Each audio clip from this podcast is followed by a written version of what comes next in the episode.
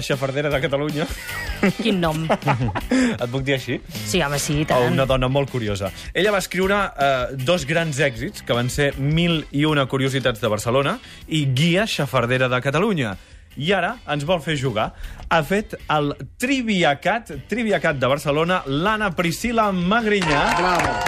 Anna Priscila, com estàs? Bé, ben molt tornada bé. a la tribu de Catalunya Ràdio. Explica'ns què és això del Triviacat. Mira, et diré per eh, començar que em fa molta il·lusió perquè és una col·lecció, és, Mm. aquest és el primer llibre d'una col·lecció, que estreno jo. Ah. Escolta'm, doncs mai Número havia, u, el número número 1, mai havia estrenat una col·lecció. El llom ho posa. U. Un, i sempre Sí, fa il·lusió. clar. Ja hi ha dos llibres de la col·lecció, hi ha el meu, que és de Barcelona, i hi ha el segon, que és de ciència, que ha fet el Daniel Closa, que, està, que és molt divertit. I és això, una col·lecció sobre qüestions de, en el meu cas, de Barcelona, qüestions de ciència, a partir del setembre hi haurà més llibres, i és una mica aquella cosa de jugar, de posar-nos a prova. Mm. Jo així una mica en broma vaig proposar a l'editorial que es digués què t'hi jugues, però no, no em van fer gaire No, cas i van preferir això de, del Triviacat. Què val, això? Uh, doncs uh, crec que 9,95 o 9,90. Perfecte. O sigui, per menys de 10 euros Sí. tens com una caixa del Trivial, Sí. d'aquelles grosses que valen 60 o 70 euros, doncs aquí tens un llibre en què hi ha preguntes i respostes, però a més de la resposta allò marcada amb negreta, la que és correcta, hi ha, a més a més, una explicació, que Sí, és on sí, són, sí, són respostes raonades.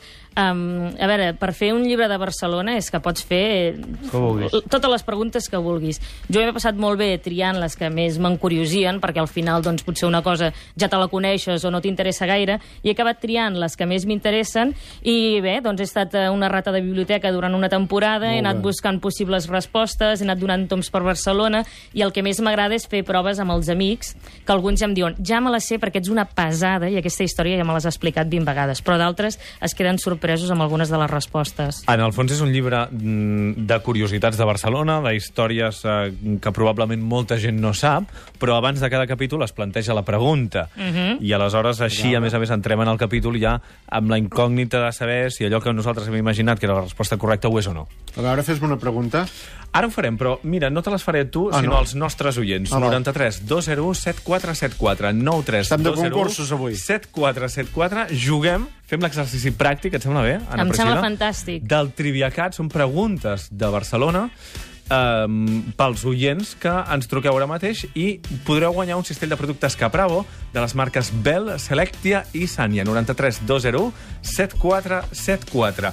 De seguida fem preguntes als nostres oients, però abans te'n faig una jo a tu. Toma. Vinga. El salt del tigre. Oi. Explica'm això, per favor. El salt del tigre... O sigui, el salt del tigre és una invenció barcelonina. Sí, senyor. Um, moltes Carai. d'aquestes... Molt sí, perquè és una invenció, eh? No sé si els nostres oients, a vegades aquestes històries que t'expliques en una nit de discoteca, sí, perquè vaig practicar el salt del tigre, No, com la pinça birmana, que també es va posar molt de moda arran del cor de la ciutat, crec que era. El salt del tigre és una història molt divertida i ve d'un actor de segona fila de principis del segle XX de, de Barcelona, que es deia Miguel Pigrau, i era aquest típic secundari, no? Sempre hi ha Murió, un secund... No, pobra gent Sí. que acaba amb el nom de secundari. Doncs Com en aquest és... Feixades, més o menys. No ho sé, que tu ets el principal i ell Sí, és el secundari. sí, sí, d'acord, sí, sí, d'acord. sí, doncs, sí. eh, Perquè si hi ha... Si en una obra de teatre només hi ha dos actors, pot ser que tots dos siguin secundaris. El cas és que aquest senyor era ser. sempre secundari i eh, havia fet, algunes vegades havia interpretat Otelo, però sempre li tocaven papers secundaris. I ell Ja. volia ser Otelo. Otelo. I va dir, saps què faré? Doncs faré la meva pròpia producció d'Otelo. Escolta'm, que així saps. em dono jo el propi, el, el, el personatge principal d'Otelo. I aquest senyor, quan Otelo es llença sobre Desdèmona ja cap al final per matar-la, feia una mena de ah! i es llançava sobre ella, i ell va voler anomenar aquest ah! el salt del tigre. O sigui, inicialment això era el salt del tigre. Però perquè feia això i després treia les urpes. I tre... fe... Sí, treia les urpes. Es llançava sobre ella amb el A i, i, i amb les mans i es tirava sobre ella. Aleshores, Santiago Rossinyol, que era un catxondo, eh, va sentir en algunes tertúlies ah, el Pigrau, que té el salt del tigre, que no sé què, i un dia es va fer el longuis amb el Pigrau i li diu, escolta'm, Pigrau, què és això del salt del tigre? Ah, tenim un tigre de fons? No sabia Sí, que... sí, ah, sí, d'acord, Ramon, és en Ramon. Ah, en Ramon, És, és perfecte. més, no et giris perquè el tens al darrere. Ah, no, no, no m'espanteu. Um, I aleshores en, en Rossinyol li diu a en Pigrau, fes-me el salt del tigre. I l'agafa, el tanca enmig del carrer amb un portal i, i li comença a recitar tota l'escena i finalment li fa el salt del tigre.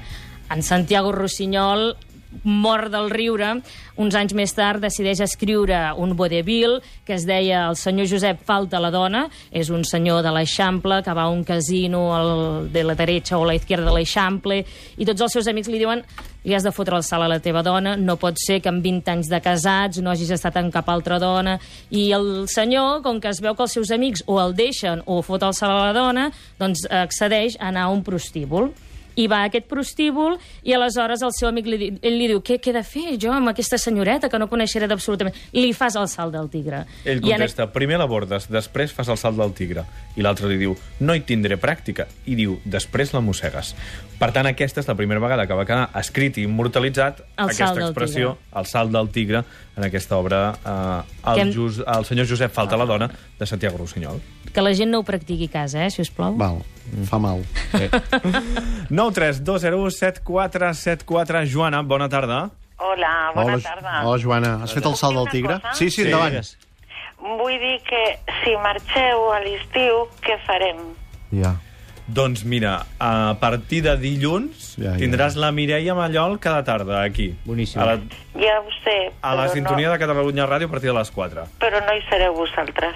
Nosaltres també us trobarem a I faltar. nosaltres trobem a faltar Sí. molt. A Però- més a més, us dono... Bueno, A mi em fa ganes de plorar, això. escolta, és que és així. Felicitats per al programa i per Gràcies. tota l'audiència. Sí, senyor, Joana. Gràcies, Joana. Ja comencem emocionats. Comencem emocionats. A punt, Joana, per la pregunta. A punt. Molt bé. Diu així. Cap on assenyala el dit de l'estàtua de Colom que es troba a la plaça del Portal de la Pau? Cap a Amèrica. Joana, vols que et doni Home. opcions de resposta o ja te la saps? Uh, jo crec que cap a Mallorca. Cap a Mallorca. Correcte! Joana, tens el número 1 per participar d'aquí una estona al sorteig de productes de Capravo. Gràcies. Gràcies, que vagi bé.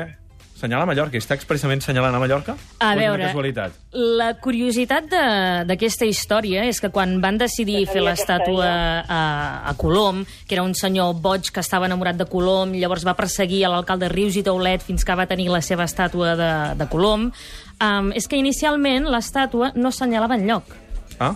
Era una estàtua que no tenia les mans que assenyalaven en lloc. Al final, algú, a l'arquitecte, li devia dir, en Boigues li devia dir, escolta'm, um, ha d'assenyalar cap a algun lloc perquè es veurà millor. I finalment van fer cas i van fer que l'estàtua assenyalés imaginàriament cap a les Amèriques. Amèrica, clar. El que passa que assenyala concretament, perquè això hi ha gent que ho ha buscat, ja sabeu que hi ha gent molt, molt fan de Barcelona, i ho ha buscat, i en línia recta t'assenyala cap a Punta de Sàguila a Mallorca. Doncs potser estava una mica girat, no? Si volien acabar a Amèrica. No, de fet, no, volia anar a les Índies, eh? Clar, volien a les Ah, Índies. sí, de fet és veritat. Uh, 93 201 7474 Yolanda, bona tarda. Hola, bona tarda. Hola, Iolanda, des d'on te truques tu? De Barcelona. De Barcelona. Està, Et avui farem, molta doncs... gent de Barcelona. Sí, aquesta, aquesta l'has d'encertar, eh? Yolanda, et farem una altra de les preguntes del llibre, del llibre Triviacat de l'Anna Priscila Magrinyà, dedicat a Barcelona. I diu així, què es va instal·lar abans a Barcelona? La DAM o la Moritz? Pues no el sé, aquesta. Ja la sé, aquesta. Yolanda, Pues jo diria que la Moritz. la Moritz? Correcte! Correcte. Sí, senyora. La gent en sap molt. Escolta, m'estan sorprenent, eh? Sí, sí, sí. Els oients ho saben absolutament Aviam tot. va ser molt fàcil, això. Ara m'estic preocupant, m'estic preocupant. Hauríem d'haver preguntat primer la del salt del tigre. Exacte, que aquesta era més complicada. Uh, gràcies, Yolanda. Tens el número 2. Moltes gràcies i bon estiu. Igualment, igualment. la devia fer un alemany, no? Una Moritz. La van fer, de fet, eh, la Moritz i eh, la Dam són dos personatges que venen els dos dels Àsia i primer ve el Luis Moritz, que és un noi jovenet i treballa en diversos bars de Barcelona i després s'organitza ell la seva pròpia empresa i uns anys després ve el senyor Dam.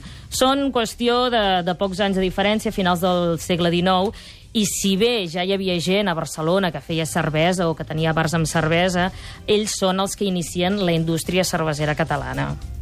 9 3 2 0 7 4 7 4 Dolors, bona tarda. Hola, bona tarda. Hola, Dolors, truques d'aquí, de Barcelona? Jo, jo truco de Sabadell, però Ah, no sé si... aviam, aviam, si, aviam, No, també val, eh? També val, sí. aviam, vinga, endavant. Sí, segur que sí. Mira, aquesta que te la faci l'Anna Priscila. Quina he de fer? Aquesta. Quina d'aquestes afirmacions és la correcta? A. Barcelona va arribar a ser la ciutat amb més places de toros de la península.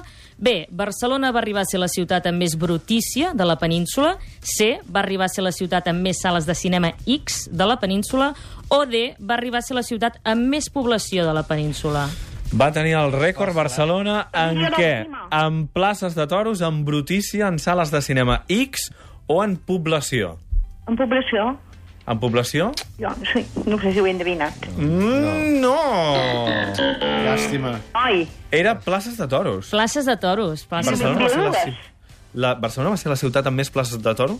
Sí, senyor. De tota la península? De fet, hi ha alguns que diuen que va ser la ciutat amb més places de toros del món, però jo que sé si a Llatinoamèrica, depèn d'en quin moment n'hi havia més o menys. Per tant, no he volgut exagerar i sí que va ser la que tenia més places de toros de la península. Concretament eren tres. El Torín, que era una plaça de toros de l'any 1836, crec que van tancar el 1920 i alguna cosa. Estava a la? Barceloneta. A la Barceloneta. Llavors ja tenim la Monumental i les Arenes. I eren tres places de toros que funcionaven a ple rendiment i una d'elles, eh, la Monumental, era d'en Pere Milà, l'amo de la Pedrera. I al final, a prop d'aquella plaça de toros, hi tenia una vaqueria, una família d'un tal Pere Balanyà, que us sonarà. Sí, eh, clar. En Pere Balanyà. Són els propietaris encara, no? La Sí, família? perquè finalment, quan va morir en Pere Milà, la vídua Segimon li va vendre la plaça de toros al Balanyà, que ell portava simplement els comptes inicialment i després es va quedar les dues places de toros i tots els cinemes que ja coneixem que, que tenen. En Pere. Quarta i última. Mercè, bona tarda. Hola, bona tarda. Hola, Mercè, d'on te truques, tu? Des de Sant Boi de Llobregat. Molt bé, vinga, ja si estem de sort, i ho endevines. Pregunta per tu. Des de quan tenim coloms a la plaça de Catalunya de Barcelona? Des de tota la vida? Des del final de la Guerra Civil, quan ja no calien tants coloms missatgers? Des, de, des que Cristòfol Colom va venir a la ciutat després del primer viatge a Amèrica? Unes tonteries. O bé, des que ho va decidir un funcionari de l'Ajuntament? Ui, complicat. I tant. Des del final de la Guerra Civil, Quan ja no calien tants coloms missatgers? suposo, no sé. Mm, no, Mercè. L'explicació és una altra, molt més simple, i és que ho va decidir un funcionari de l'Ajuntament. M'encanta. Aquesta jo crec que és una de les preguntes, eh, de les meves preguntes preferides.